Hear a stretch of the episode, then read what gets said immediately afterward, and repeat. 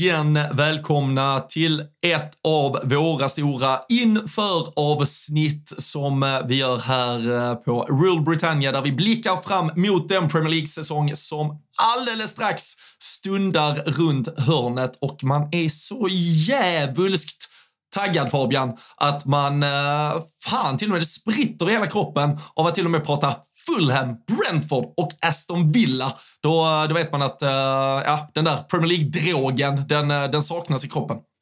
Ja, men det börjar faktiskt komma nu. Alltså, jag tyckte att den här, den här liksom off-season var skönare än någonsin. Det var en väldigt, eh, det har varit intensiva år. Först var det pandemin och sen så kom den här ja, men fruktansvärda VM-uppehållet och det var matcher hela tiden. Så man hade svårt att ens ta in någonting. Och liksom när, man, när man vann en viktig match så ville man njuta i en, i en vecka. Och när man förlorar, ja, men då förtjänar man att må piss i en vecka. Men man hade inte tid med det där. Så det, det har varit skönt att checka ut lite, ha lite semester. Men som du säger, nu ska vi sitta och prata om Fulham, Brentford, Aston Villa i en timme och jag är så jävla taggad. Ja, och uh, vi gör det lite så lagom uppmallat. Vi, vi blickar tillbaka på vad man har gjort ja, men presterat förra säsongen. Vi, vi tar en titt på vem det är som ska leda laget eh, i form av eh, tränare på den där tränarbänken. Eh, kika lite på vad sommarens aktivitet har inneburit. Vi gäller transfers in och ut.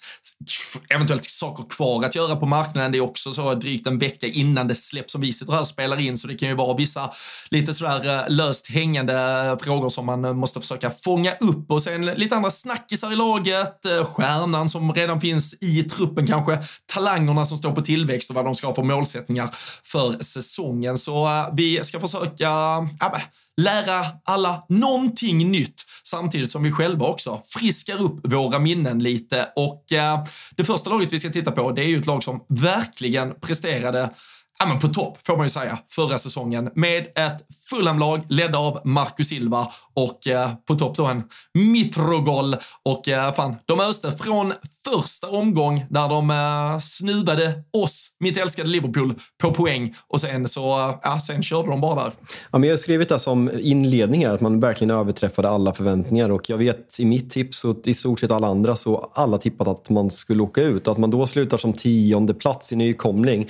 Man värvar ju mycket rejects, alltså William kommer aldrig ihåg så här, ja, men han gick till Arsenal och hur många brassar som skrev sitt sista kontrakt levererar. Alltså Arsenal bröt kontraktet, han flyttade till Brasilien. Alltså som det höjdes ögonbryn när han kom tillbaka och skulle komma till fulla. Man värvar Andreas Pereira från Manchester United som inte har levererat och liksom hållit. Han är liksom ett bra skott och gör det bra på försäsongen men inte mer än det. Mitrovic var jättemycket frågetecken trots att han slog det där målrekordet i Championship. Han hade ju misslyckats två gånger tidigare att liksom leverera när han kom upp på Premier League-scenen men så fel man hade och så fruktansvärt imponerad den här säsongen av Fulham är. Det är, väl, det är väl där man landar när man går tillbaka och ska prata om säsongen 22-23. Mm. Hur, eh, hur mycket tycker du det var imponerade spelarinsatser? Om vi pratar, alltså, det har ju nämnt så många namn ändå kring det här. Full med en Joao Palinja på ett mittfält, de får in en Bernt Leno som sista utpost. Men med alla de här individuella prestationerna det eventuellt har varit. Eh, Anthony Robinson tycker jag gör en fantastisk säsong på vänsterbacken. Men hur mycket är det som ändå är Marcus Silvas förtjänst över allting. Alltså en stor del och vi kan väl ta liksom tränarkategorin när du går över där och man minns ju alla Marcus Silvas tidigare sessioner i Premier League när han var i Watford. Vi hade den här ja, men, helt sjukt konstiga situationen när Everton går för honom, de nekar för att sen ska sparka honom ett halvår senare och inte få några pengar för honom och sen så kommer Everton och tar honom och han får sparken därifrån. Så det var ju liksom ett ett anseende som behövde få nytändning och han tog fulla med Championship, tog dem upp direkt och eh, för att svara på din fråga, jag tycker att Marco Silva har jättestor del i det här. Om man, om man kollar på truppen, för mig är det väl kanske Mitrovic, men kanske framförallt Palinja som håller den absolut högsta nivån i den här truppen. Sen har man fått in rutin som jag var inne på i Viljan i Bernt Leno, men Palinja är den kanske viktigaste spelaren, men Marco Silva är kanske den största stjärnan och den största liksom anledningen till att man kommer här. Det måste jag ändå landa i. Mm. Och eh, det, det, är ju inte, det är inte helt överraskande att en tränare till slut gör det bra efter att både Watford och Everton har varit där och klyddat och gjort sig av med dem. För det är väl eh, kanske de två sämsta klubbarna vad gäller att eh, ja, men, ta, ta väl hand om en tränarrekrytering. Det är eh, total jävla cirkus som har varit i båda de eh, klubbarna. Men också än så länge när vi sitter och spelar in detta eh, otroligt stärkande tror jag för alla Fulham-supportrar att Marcus Silva verkar ha tackat nej till riktigt stora pengar borta i Saudiarabien. Ja, men jätteviktigt som sagt och Mitrovic, känslan är väl där att han kommer lämna för han har en aura av att bråka bort sig. Men Marcus Silva ska alltså neka det här budet och det är jätteviktigt. Sen, sen är frågeställningen, alltså så här, Fulham, de har inte förutsättningar som många andra klubbar att liksom etablera sig på den här nivån. Så hur länge kommer han orka? Kommer han vilja söka sig vidare om man gör ännu en bra säsong på den här nivån? Det, det är mycket frågetecken, men samtidigt så, så länge han inte går dit så tycker jag att det finns hopp att ändå fortsätta vara ja, men lite hoppfulla i Fulham, får jag ändå lov att säga. Mm. Och eh, nu, nu kanske folk har ett eh, resultat vad gäller hela Mitrovic-historien eh, när, man, när man lyssnar på detta, men eh, där, eh, det, det, är ju det del som är den stora snackisen och vi har ju redan konstaterat när vi sitter här att Raúl Jiménez ändå är klar in och någon tydligare rak ersättare kan man ju nästan inte hitta väl? Det är svårt det med Raul Jiménez, om det är en ersättare eller om det är liksom en rotationsspelare för att man varit för desperata och liksom, eh, att man behövde Mitrovic för mycket. Sen Raul Jiménez, vi vet ju alla hans höjd, vad han har gjort i Wolverhampton genom året och även i landslaget. Men efter huvudskadan så har han ju inte blivit samma spelare. Så kan det bli en revival, att han liksom kan få upp en ny tändning och liksom få igång karriären? Det, det tror jag blir jätteviktigt för Fulhams, eh, Fulhams säsong. För Selma Mitrovic som var så fruktansvärt viktig och ersätter det med en Raul Jiménez som inte kommer igång. Och vi vet alla att Palinja West Ham har varit där och budat. Lämnar han, Marco Silva kanske inte tycker att det är så jävla kul, då kanske det där budet blir ännu högre från Saudiarabien, det blir lite mer lockande. Så, uh, alltså så här, balansgången mellan att Fulham kan ha en bra säsong och liksom, jag tror inte man kommer topp 10 i år, men att man kan landa där någonstans 12 till, eh, 12 till 15. Den balansgången mellan 12 till 15 till att man blandar sig i nedflyttsträcket, det är väldigt få händelser som kan göra det väldigt nära. Så uh, det är väl det här som är, och förutom Raúl Jiménez har det inte ett, ett skit på transfermarknaden, varken in eller ut. Det är bara liksom så här fria transfers, lån tillbaka och så här släppta spelare. Så det är väldigt tyst på Fulhams marknad. Mm.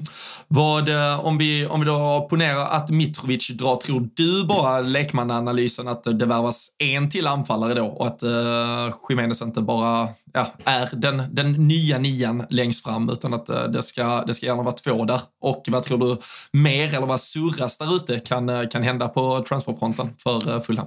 Alltså jag, tror, jag tror att det finns väldigt mycket att göra. Alltså mittbackar är kanske det som har ryktats framförallt. Framförallt där bland annat Salisu från Sao 15 har varit ett hett namn på ryktesfronten. Sen har vi lite på olika positioner. Fred från Manchester United har ryktats och där ställer man sig väl frågan egentligen. Fred har gjort det bra vissa tider i Manchester United men sett till förväntningarna när han kom från, från Shakhtar så har det varit en ja, ganska stor misslyckad värvning. Och frågan man ställer sig är liksom, hur bra hade Fred varit i ett Fulham typ av lag? Vad, vad, vad, vad tror vi bara spontant? Nej, jag, nej, jag vet inte. Jag, jag har ju aldrig sett någon storhet alls i Fred egentligen. Sen, sen kanske det är exakt den, den nivån han ska vara på istället. Uh, där, där kanske han hade varit jättebra. Han kanske är jättebra kompis med Andreas Pereira också, så kan de, uh, kan de leva ut sin fulla potential tillsammans. Men uh, han, han, har ju, han, har ju alltid, han, har, han har alltid varit en för svag länk för ert lag ifall ni i alla fall vill ha den självbilden som jag vet att ni har. Ja, och det, det är ju det här som har konstigt att han liksom har gjort det så bra i brasilianska landslaget när han har spelat bredvid Casemiro och eh, i många tillfällen petat Fabinho, hur bra Fabinho än har varit i Liverpool. Så för Fulhams mått mätt, om han kan spela bredvid Palinja så tror jag att det hade varit en jättebra värvning. Sen är det så här, Freds ego och självbild, är det Fulham? Tveksamt.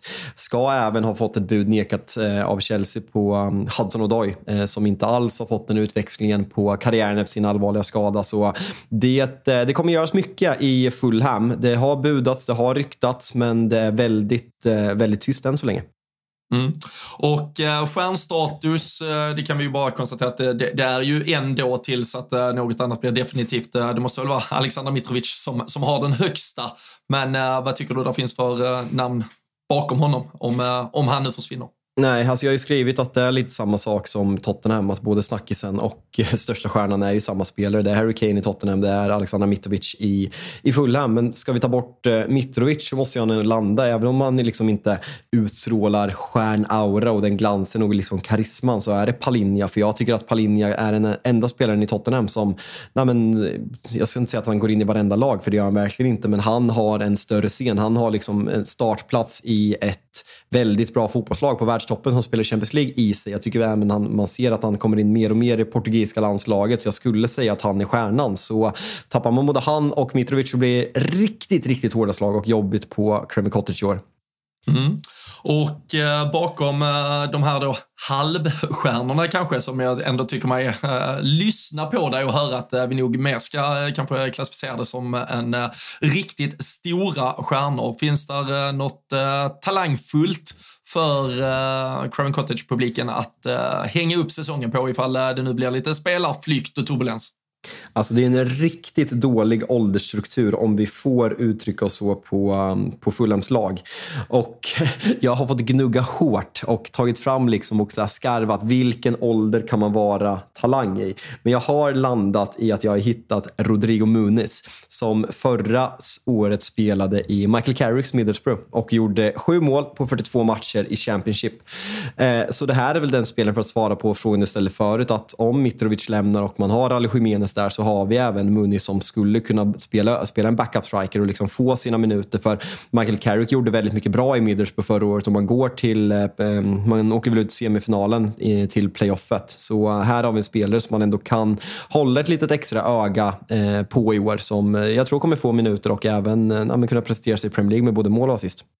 Ja, ja, men det är något litet glädjeämne för ett uh, Fulham-lag där vi, där vi ändå kanske när vi summerar lite landar i att eh, de kan, de, de, kan få det, alltså de kan få det ganska tufft eller så kan de få det typ väldigt tufft lite beroende på vad som händer på transfermarknaden uh, inför premiären. Typ.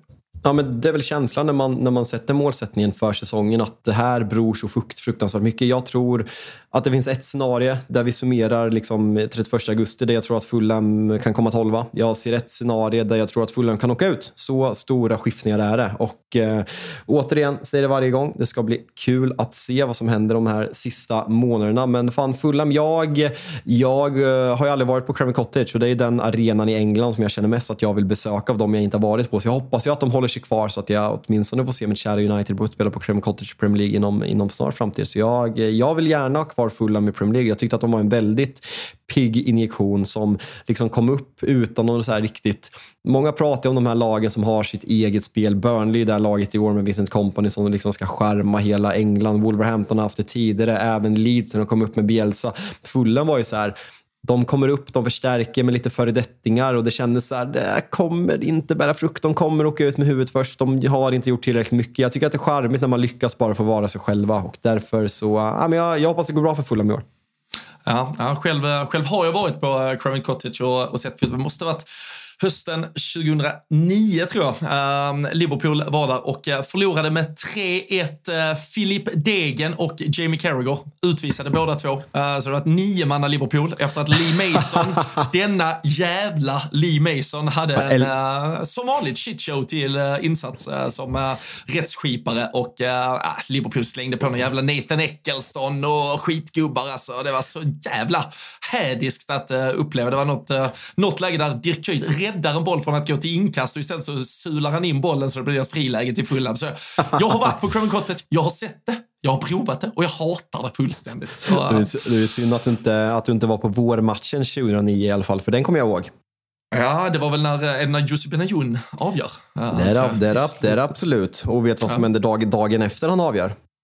Uh, nej, men det, det, det, är säkert United som gör något jättebra. Det, det är Kiko Makeda som avgör mot Aston Villa.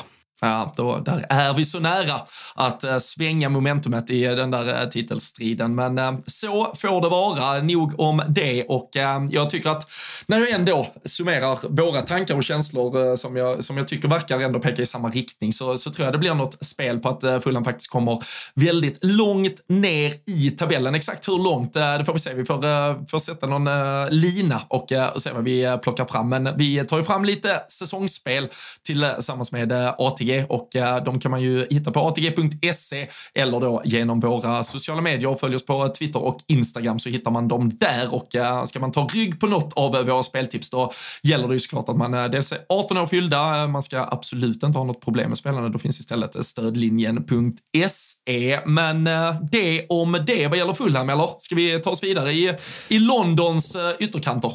Ja, men det tycker jag verkligen och vi börjar väl gnugga Brentford och jag lämnar över ordet till dig. Ja, men äh, tackar så mycket för äh, Brentford är ändå ett lag som vi svenskar kanske har lärt känna lite mer än, än vissa av de andra, om vi ändå får kalla dem dussingängen i Premier League. Eh, såklart äh, väldigt mycket påverkat av Pontus Janssons äh, men, närvaro där.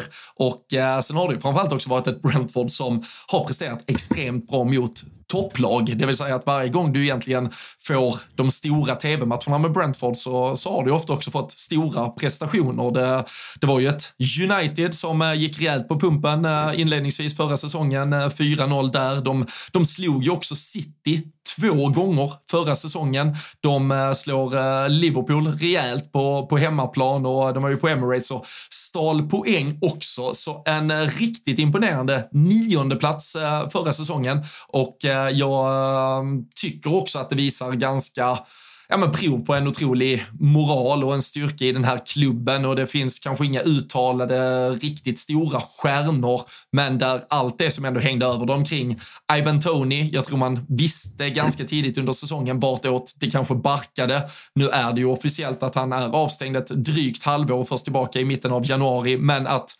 ja, men hela klubben, laget, eh, tog sig samman och eh, tog den där säsongen i mål på det sättet som man gjorde. För det, det, det är ju ett lag utifrån förut förutsättningar som, som inte ska vara så högt upp i ja, men den engelska fotbollspyramiden. Så eh, en otrolig fjolårssäsong från Brentford där egentligen allt som skulle likna en repris av det är ytterligare en överprestation egentligen.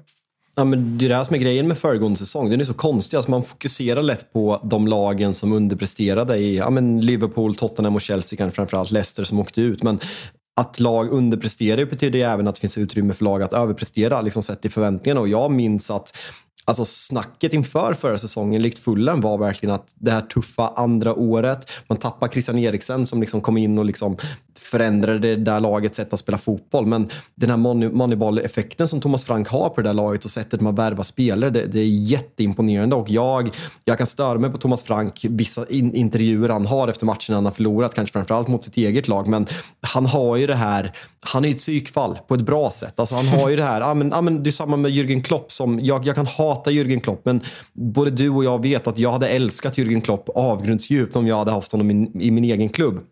Van må var en dålig förlorare och han är ett jävla psykfall. Men tränare ska vara psyk och det är det som kanske Graham Potter hade problem med. Han är en för vanlig kille. Han måste få fram den där psykblicken och den har Thomas Frank och det är det jag gillar. Och så här, man fortsätter göra so rätt saker på transfermarknaden så um, det ska bli spännande att se tredje säsongen hur, hur, det kommer gå och hur stort avbräck det blir att man är utan Ivan Tony i, um, i eh, ett halvår egentligen. Men ja. vi, jag var inne lite på Thomas Frank där, så du får väl prata lite mer om honom helt enkelt. Vad har vi mer på honom förutom att han är ett psykfall som jag precis sa? Ja, och, och framförallt kanske på eh, om, om fler än du har haft känslan av att tycka illa om honom, i, i alla fall i, i olika sammanhang, så, så måste man ju dra historien om varför han lämnade Brönnby 2016. Och, och, det var ju faktiskt efter att det som då var ordförande i, i Brönnby, Jan Jan Beck Andersen, han var ute på eh, ja men, typ liksom eh, supporterforum för Bröndby och eh, skrev skit under pseudonym och liksom bara spydde galla över den här jävla tränaren de hade i Bröndby. Fan vad dålig han var. Och sen visade det sig att det var ordförande då som hade varit ute och det tyckte väl inte, och det får man väl fan ändå, där får man ju ge Thomas Frank att man kan köpa att man inte är supersugen på att gå tillbaka till jobbet när det kommer ut. Fan, det där kanske skulle vara någonting att göra här i Rule Britannias Twitterflöde. Att bara gå in och fan den där Jalkim var så jävla här. Bylund fattar inte vad han säger. Sk skånsk. Fan. Det skulle, ja. bra, bra förslag, kanske. Ja, ja absolut. absolut. Jag, jag, jag misstänker ju alltid att alla, alla positiva kommentarer kring, kring dina insatser uh, har jag alltid, det måste jag alltid dubbelkolla och verifiera om det är ett riktigt konto eller om det är något av dina trollkonton. Men, uh, nej, men som du också har alltså, vad, vad man än uh, tycker och tänker om Thomas Frank och hans uh, vad, vad som är uh, genuint och vad som ibland är en, ja men kanske en, en roll som spelas och eh, hur mycket du ska uh, ut och, och, vifta med nävarna och hur mycket du ska pumpa upp publik och hur häftigt ditt eget lagbygge är och så vidare. Så, så är det ju bara att konstatera att han har med det han har eh, gett den här klubben, tagit den till eh, oanade höjder. Det var ju ett, ett Brentford, ska jag verkligen säga, som var på, på rätt väg redan innan Thomas Frank och uh, där är det ju Dean Smith som vi sen har ja, men känt igen senast från, från Aston Villa till exempel, som, som var med och gjorde den första resan med, med Brentford, men där Thomas Frank sen egentligen bara ja, men började förfina saker och ting och gjorde det ännu bättre och, och där får man också berömma Brentford och ledningen för att man gav honom tiden till det. Han, eh, han vann alltså en av de tio första matcherna. Man låg riktigt illa till i Championship när Brentford samtidigt tidigare hade varit på en, ja, men absolut inte spikrom, men man var ändå på en resa framåt och det fick lite stopp där under eh, Franks första tid. Så att eh, man eh, nu då, fem år senare, är ett etablerat Premier League-lag. Det, det, det, det handlar såklart jättemycket om Thomas Frank, men också hur ledningen gav han förtroendet och om, om du och Brönnbys ordförande eller sportchef där kan vara ifrågasättande kring vissa saker så är han är ju otroligt älskad av spelare och supportrar och inte minst då återigen för att ta svensk kopplingen så har ju Pontus Jansson eh, pratat eh, sig, ja han är ju så, jag, jag vet inte hur man som skåning kan älska en dansk så mycket, men eh, fy fan vad han pratar positivt om honom alltid. Och ja,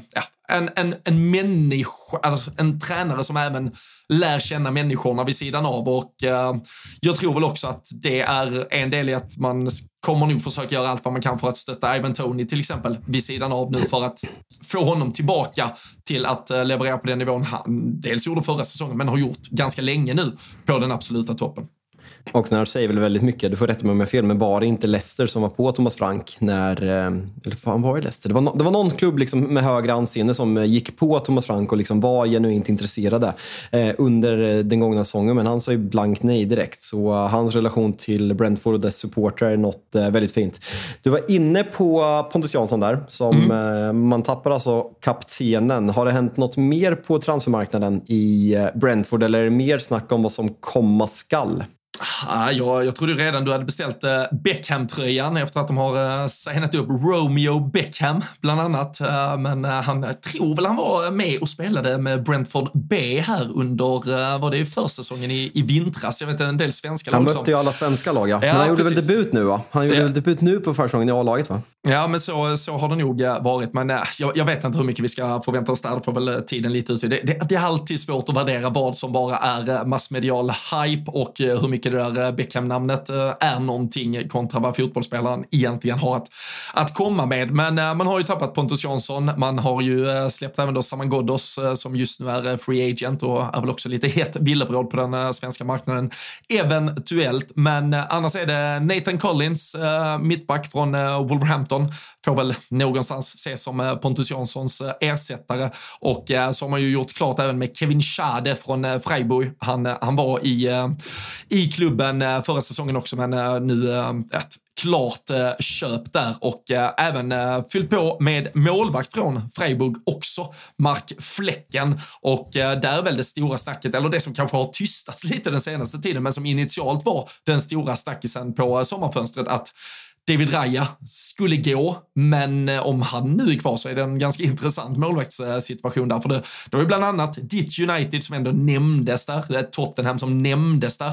Var Raya nu ska ta vägen är ju lite svårare att uh, se om. Det är väl typ Inter som står kvar med en ganska ja, men, uh, svajig målvaktspost efter att ni då plockade Onana istället. Men uh, Raya kanske blir kvar i Brentford ändå. Då står de med en ganska stark besättning där.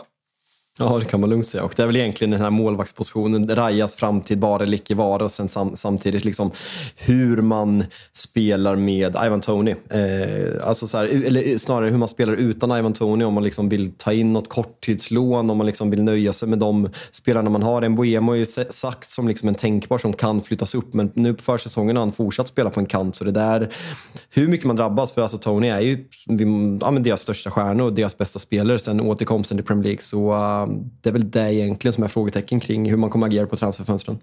Ja, och den är ju så extremt svår när det är en spelare som, alltså det, det här är ju klubbens men, talisman. Han är ju på alla sätt och vis superstjärnan, typ den enda de har i truppen och han, han kommer antagligen vara, eh, alltså från klubbens sida tilltänkt att gå rakt in första dagen han är tillbaka från avstängning och starta nästkommande match. Jag tror hela vår eh, hösten kommer handla om att han är i fysiskt lag för att göra det, så det är också svårt att gå ut på marknaden och försöka tilltala en, en anfallare i att ja, men du, ska vara, du ska vara vår nummer ett i sex månader. Sen ska du vara nummer två. Och eh, att eh, då dels sälja in det konceptet och hitta rätt kvalitet, det, det kommer nog handla om att man ja, men, måste hitta eventuellt någon som då får ja, men, laboreras lite i den där nummer nio positionen nu, men som kanske sen är tilltänkt att spela mer droppande i en eh, nummer tio position eller en ytterposition för att, eh, att köpa med Brentfords förutsättningar en nia som även när Tony är tillbaka är tilltänkt att starta. Den kvaliteten tror jag inte de kan hitta på marknaden, så det, där måste de ju snarare laborera hela hösten för att hitta lösningar. Kan man se något positivt i det här? Alltså så här, för det, det är det som är snackisen i Brentford. Det är ju liksom Tonys avstängning, hur man ska ersätta det, hur framtiden ser ut. Kan man liksom se den här avsnitten, om jag liksom försöker greppa efter halmstrån här, men som liksom en blessing in the sky för Ivan Tony hade kunnat börja ryktas ganska rejält för större uppdrag än Brentford här. Så att man får behålla honom minst ett halvår till och liksom att han kanske kommer känna tacksamhet för klubben efter det här. Att ingen annan storklubb vågar värva honom baserat på bara vad han kommer göra på ett halvår senare. Finns det någon sån tanke i Brentford det tror du? Ja, men det, det, tror jag väl absolut. Han eh, är alltså, 27 år gammal, någonstans eh, prime för en anfallare och eh, även om det känns som att han alltid flyger lite under radarn, alltså han, han gör 20 mål förra säsongen. Han, han kommer väl till slut trea eh, efter eh, Harry Kane och eh, Erling Haaland, så det, det var ju en Alltså, det är ju, det är ju en otrolig anval, lite garant i Premier League också och, eh, och är ju faktiskt mer än bara en stor bufflig striker. Han har ju mer i sitt, i sitt spel och register. Så, eh, så kan det ju absolut vara. Dels att det absolut inte blir en affär denna sommaren, men kanske även att den den då problematik som ändå finns förknippad till honom ligger honom i fatet för en flytt eh, längre fram och eh, samtidigt så, så är han nog kanske på en perfekt nivå. Jag, jag tror att alla lag det, det, känns som en spelare som Tottenham hade kunnat titta på om Harry Kane hade försvunnit, men jag tror att alla de stora lagen, pratar vi ändå topp 6, topp 7, de, jag tror att de hade gjort fel också i att värva Ivan Tony. Han, han är, har ändå inte den spetsen som jag tror att den typen av lag behöver för att dessutom konkurrera ute i Europa. Så jag tror han är på en perfekt plats, men jag tror, jag tror snarare det är någon klubb där ute som duckar en kula genom att inte göra värvningen. För jag vet fan hur han hade kunnat omsätta det i ett, i ett topplag. Jag tror inte att du till exempel hade velat kanske att han var Manchester Uniteds nya nummer nio heller. Nej, alltså verkligen inte. Och det är det som är svårt med brittiska spelare, att de är så fruktansvärt dyra. Ivan Tony hade jättegärna tagit honom som ja, men er Diego Jota, liksom som andra anfallare som liksom ska roteras in. Men ska man då lägga 50 miljoner pund på Ivan Tony, för det var han hade kostat, det, det är helt orealistiskt. Känner väl lite att vi har vi har benämnt Ivan Tony, vi har pratat om MBM och vi har pratat om Rajas. Så jag tänker väl, och det är ju de som är stjärnorna. Kan vi inte prata lite mer om talangen? För där har jag faktiskt ganska dålig koll om jag ska vara helt ärlig. Nej, men där, eh, där nämnde jag ju också i, eh, i förbifarten i alla fall att man nu har gjort klart med um, högeryttern då, Kevin Schade, eller han kan spela på, på en del olika offensiva positioner. Uh, 21 år gammal, har även Aaron Hickey. Uh, Schade kommer in från uh, Freiburg, uh, nu då permanent under sommaren, varit på lån i klubben klubben under våren och eh, Hickey har varit eh, ett år i klubben redan. Han eh, avslutade ju ett äventyr eh, i Bologna, gick ju dit från Hearts. Jag vet inte om du, du minns presentationen de gjorde när, eh, när han gick till Italien. Det var ju en jävla eh, märklig historia, men de har ju en högerkant då potentiellt med, med två stycken 21-åringar som, eh, som kan vara ganska spännande. Det, det är ju en, annars ett, ett lag som är väldigt mycket byggt på stånka, brunka, ös iväg bolljäveln och eh, även om det sen är spelskickliga spelare så, så har det ju varit den här skandinaviska influensen. Vi har ju kunnat se tre danska innermittfältare några matcher och så vidare. Så det, det är ju ett lag som saknar lite glans, får man väl ändå säga. Men um, kan vara att vi får se en lite mer fartfylld högerkant i Brentford. Det är väl eh, det som eventuellt skulle få det att pirra till. Men annars tror ju jag att det som vi kommer att få se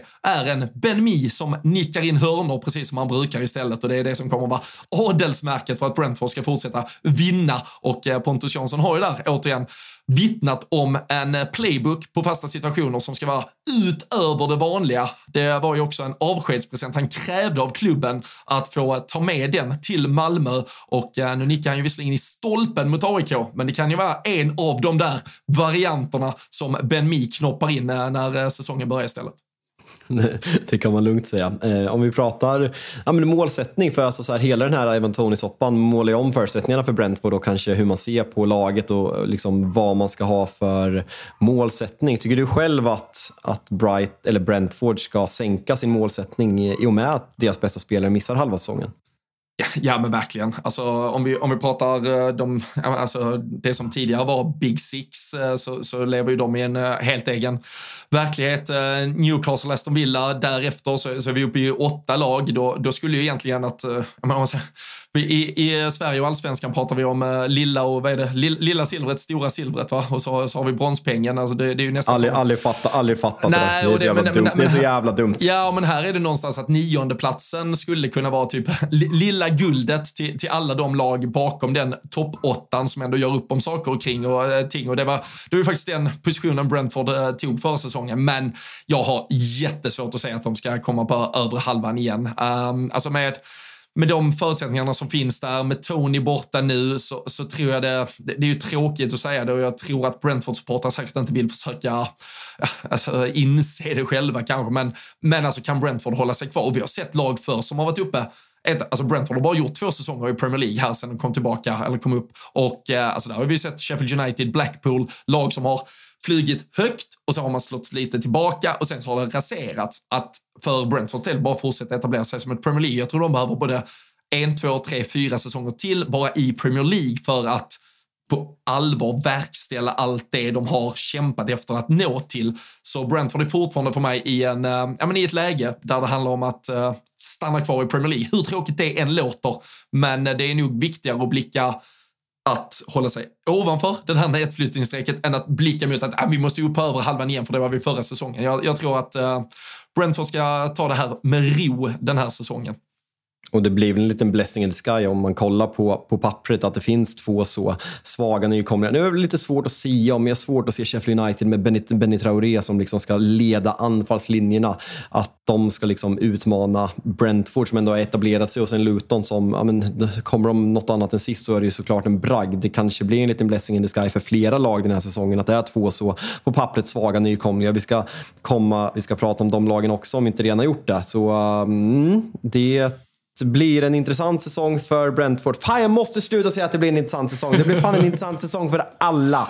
Helvete. vet, vet, vet vad det faktiskt äh, blir? Det blir en helt ointressant säsong för Brentford. Jag tror vi kommer, tror vi kommer skita ja. fullständigt med det. Jag tror de kommer på 14 eller 15 plats. Vi kommer inte prata någonting om Brentford. De kommer vara helt ointressanta.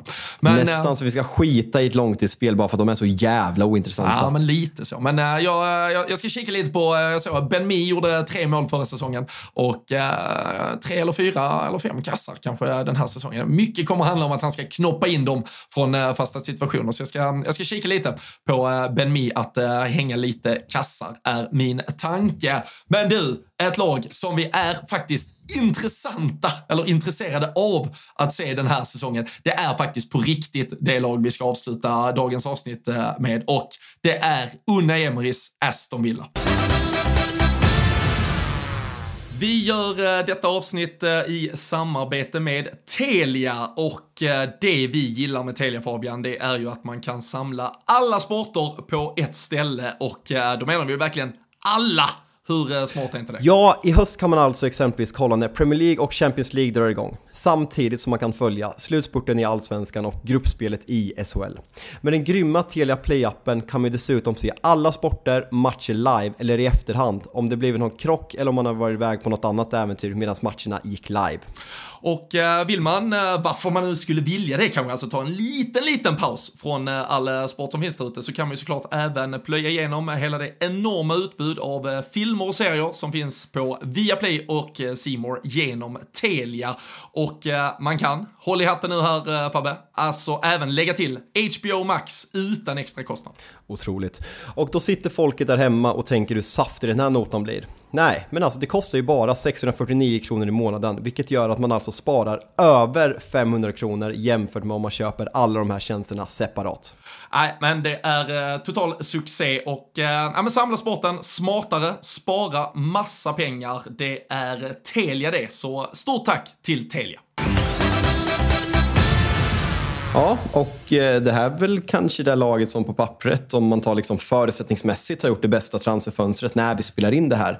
När man har värvat. Vi, eh, vi dammar av nyförvärv redan nu. Man har tagit Moussa Diaby från Leverkusen, man har tagit Pau Torres från Villarreal och man har tagit Juri Tillisman från Leicester. Och eh, innan vi fortsätter prata om den kommande säsongen så ska vi väl prata om den säsongen som spelades senast. Och man slutar alltså till slut sjua efter en säsong som man verkligen kan dela upp i två delar och det är ju Steven Gerard som startar den här säsongen. Och han floppar ganska rejält och det var, det var väl verkligen ja, men här Steven Gerard visade och kanske visade för alltid med tanke på att han tog steget till Saudi att han, han inte var den tränare som man på något sätt i Liverpool-led ville att han skulle vara. Och jag minns aldrig det här med att Jürgen Klopps första kontrakt skulle gå ut om det var 20... Ja, men 24 och hans äh, Rangers kontrakt var 2024. Så det var... Exakt det, det, det var liksom den för, första drömmen och sen när Klopp för, förlängde till 26 så var det nu ska Gerard till Villa, se och lära och sen ska nästa steg vara Liverpool. Men man insåg ganska snabbt, kanske framförallt förra säsongen, att det kommer inte hända. Han har det inte, även om liksom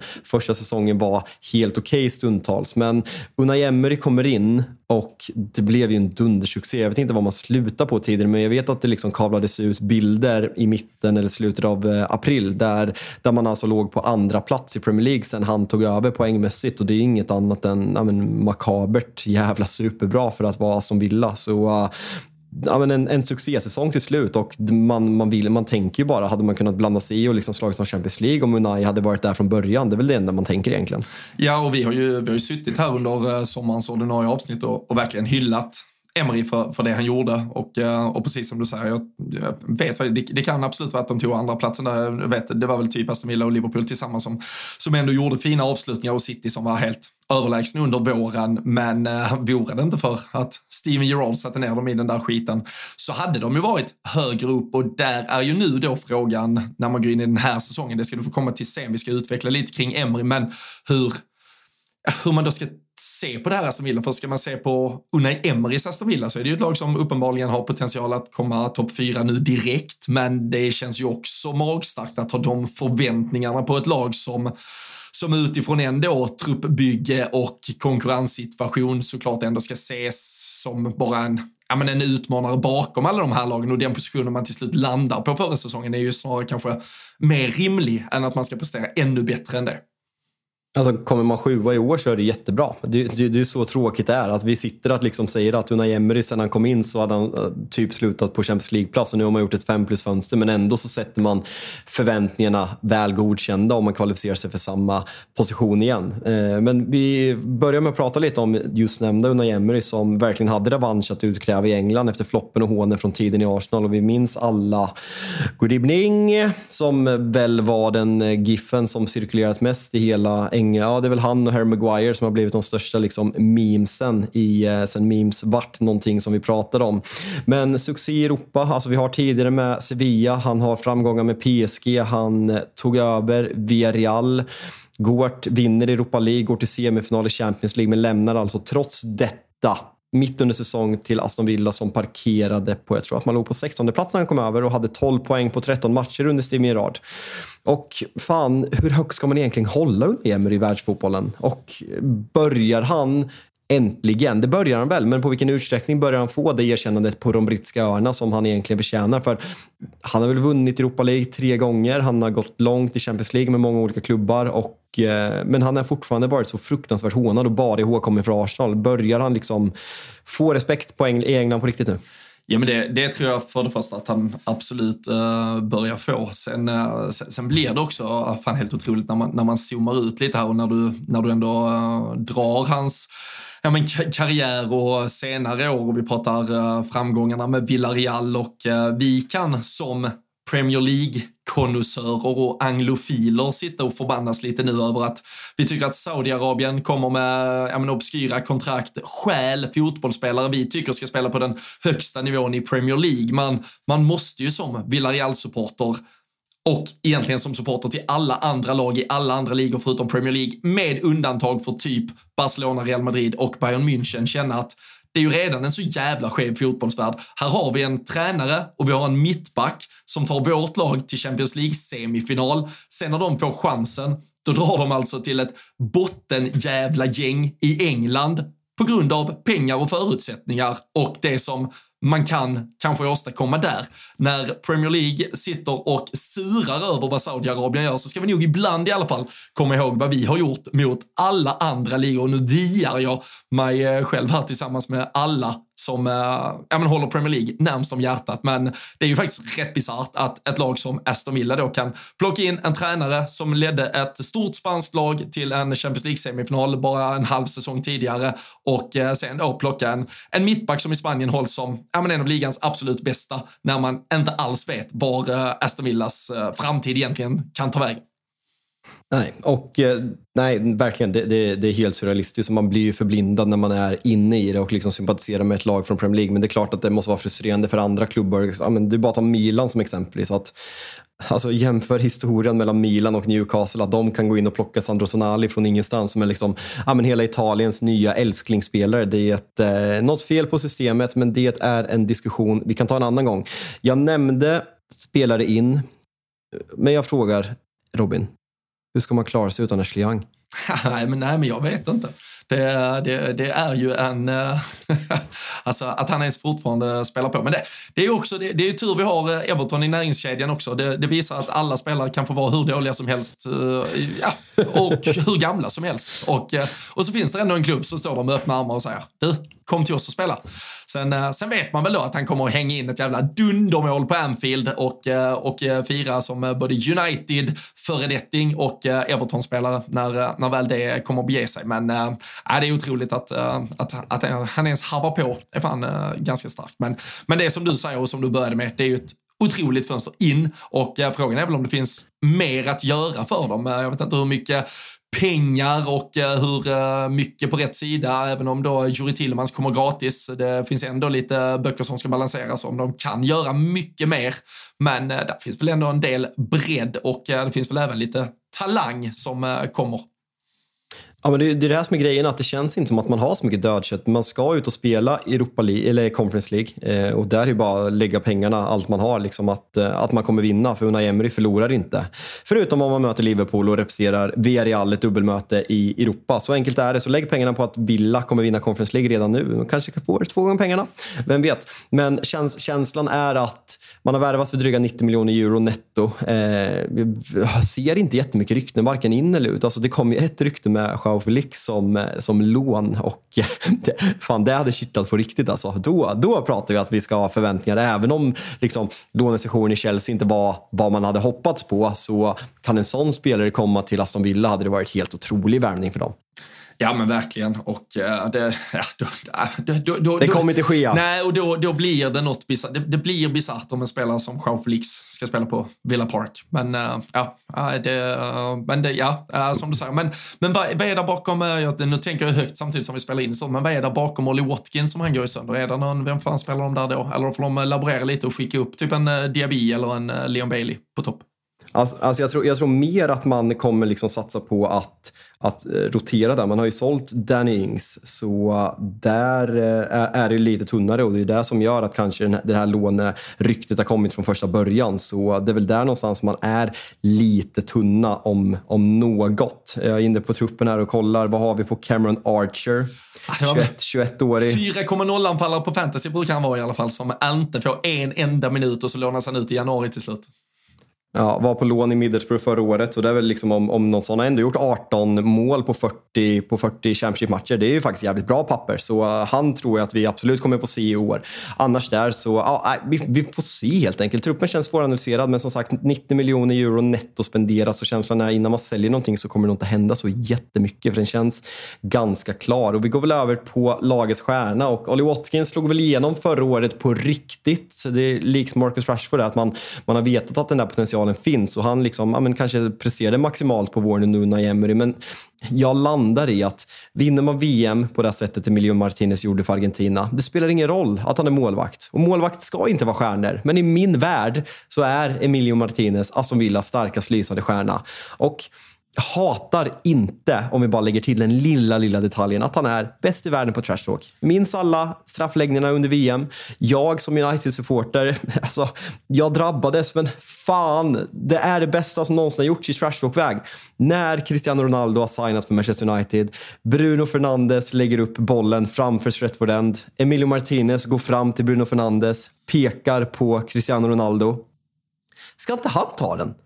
Vad fan, det är ju Ronaldo. Du kan ju inte ta straffen. Ronaldo måste ju ta den. Bruno Fernandes skjuter 17 meter över. Han väl inte landat den va? Det, det var, nej, nej, men, nej, men alltså det är ett... Eh, alltså, så här, det, det bara, Alltså jag, jag, jag, säger att jag kan ha svårt för liksom Thomas Frank-typer och liksom man kan bli provocerad av psykfall och när man möter dem så kan det vara jobbigt, men man uppskattar annars. Jag älskar Emilio Martinez. Alltså, alltså där pratar vi ja, men ett argentinskt jävla fullblodspsykfall och som jag älskar honom. Ja, jag trodde du skulle hålla Filip Coutinho som den uh, stora stjärnan annars. Det är den enda som, som på allvar har uh, kvalitet i det här laget ifall man kan få ut den. Men uh, nej, för fan. På tal om, på tal om deppiga fotbollsspelare, uh, anno 2023. Det kunde varit så mycket mer än de där 1,42 miljarderna eller vad det blev till Barcelona. Fy fan vad pengar ni fick för honom. Ja, det är, det världshistoriens bästa affär kanske ändå. Fick in ja, Alisson eller, Becker eller, eller, och uh, van Dijk för de pengarna. Eller uh, Andy Carroll, 35 miljoner till ja, Newcastle. Hugget som stucket. Men uh, där uh, finns ju lite, lite egna spelare också och lite unga talanger. framförallt en spelare som jag ändå tror att Premier League-publiken känner igen från de senaste säsongerna. Lite, lite upp och ner. Och där väntar man väl ändå på det liksom, stora, där han gärna startar vecka in vecka ut och börjar dominera på mittfältet. Men Jacob Ramsey, det är en favorit för mig själv, när, uh, framförallt för två år sedan när han klev på ordentligt på det där mittfältet och, och började åka av det.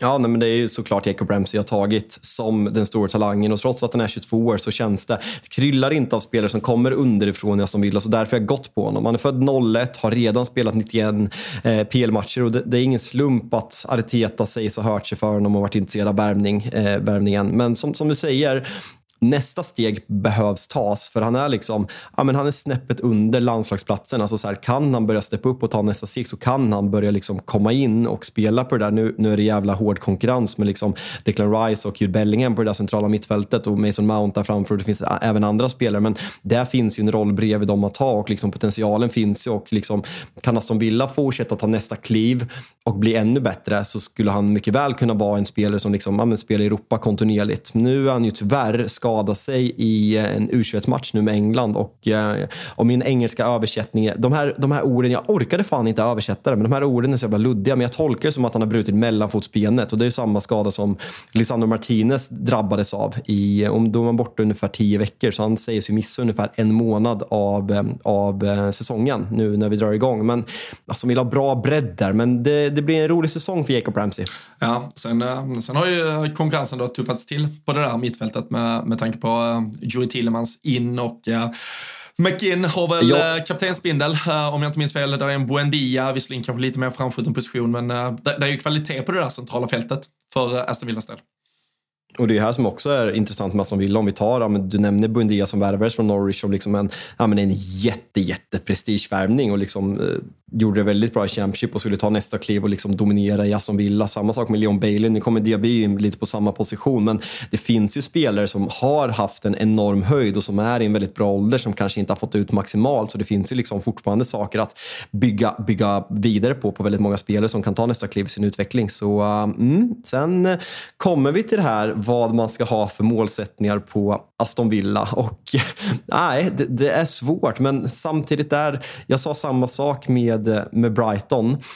Nu hänvisar jag till ett annat avsnitt som jag inte ska göra för vi vet inte vilken ordning de har eh, släppts. Men fan, låt mig! Jag sa samma sak med Brighton okay. så det, det kan okay. vara en spoiler. Det är okej. Okay. Ja, tack Robin. Tack att du är förstående med mina brister. Eh, det, det, det uppskattar jag. Ska, jag, det, jag, ska, jag, jag ska ut och twittra lite sen om de bara under mitt eh, pseudonym och mitt äh, Troll-Robin123 kommer på Twitter sen och, och drar någonting. Så, så vet du att äh, förtjänar du i så fall.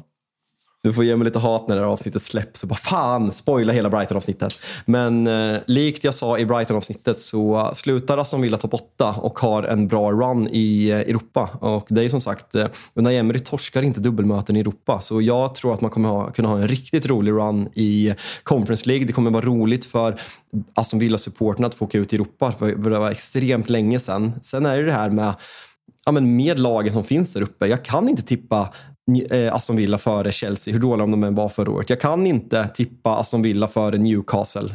Alltså så här, det går på något sätt inte. Så mitt ursprungstips är väl snarare att ska man sticka ut och säga att man tror att de kommer före Tottenham? Mm, kanske. Då, då är de sjua. Eh, så det är väl någonstans där jag landar. Jag, jag tippar Aston Villa sjua. Eh, kommer man åtta, gör det bra i Europa. Jättebra säsong. Det är, det är svårt. Bygg vidare. Mm. Så uh, ja. Nej, men jag, jag, jag håller helt med. Jag, jag, jag tänker för att uh, kanske sätta lite, ja, men ändå lite krydda på det och kanske i alla fall uh, ja, men få det att, pirra lite i uh, Aston Villa-supportrarna så uh, tycker jag att vi, vi kikar matiga och vi kanske kan ändå pu pusha förväntningarna lite högre på dem. Typ komma topp sex kanske eller något sånt. Att de verkligen överträffar lite och ja, men sätter något mm. av de där lagen bakom sig för, för att de ska vara där 7-8, det tycker jag är rimliga förväntningar. Och så vill vi ha lite överprestation för att det ska bli uh, lite roligt också att se hur uh, Emery får ihop allting. Så vi, vi, ska, vi ska kolla där och uh, vi tar ju fram långtidsspel på alla lagen och de hittar ni på ATG.se och vi delar ju dem i våra sociala medier också. Följ oss på både Twitter och Instagram för att hålla koll där. Och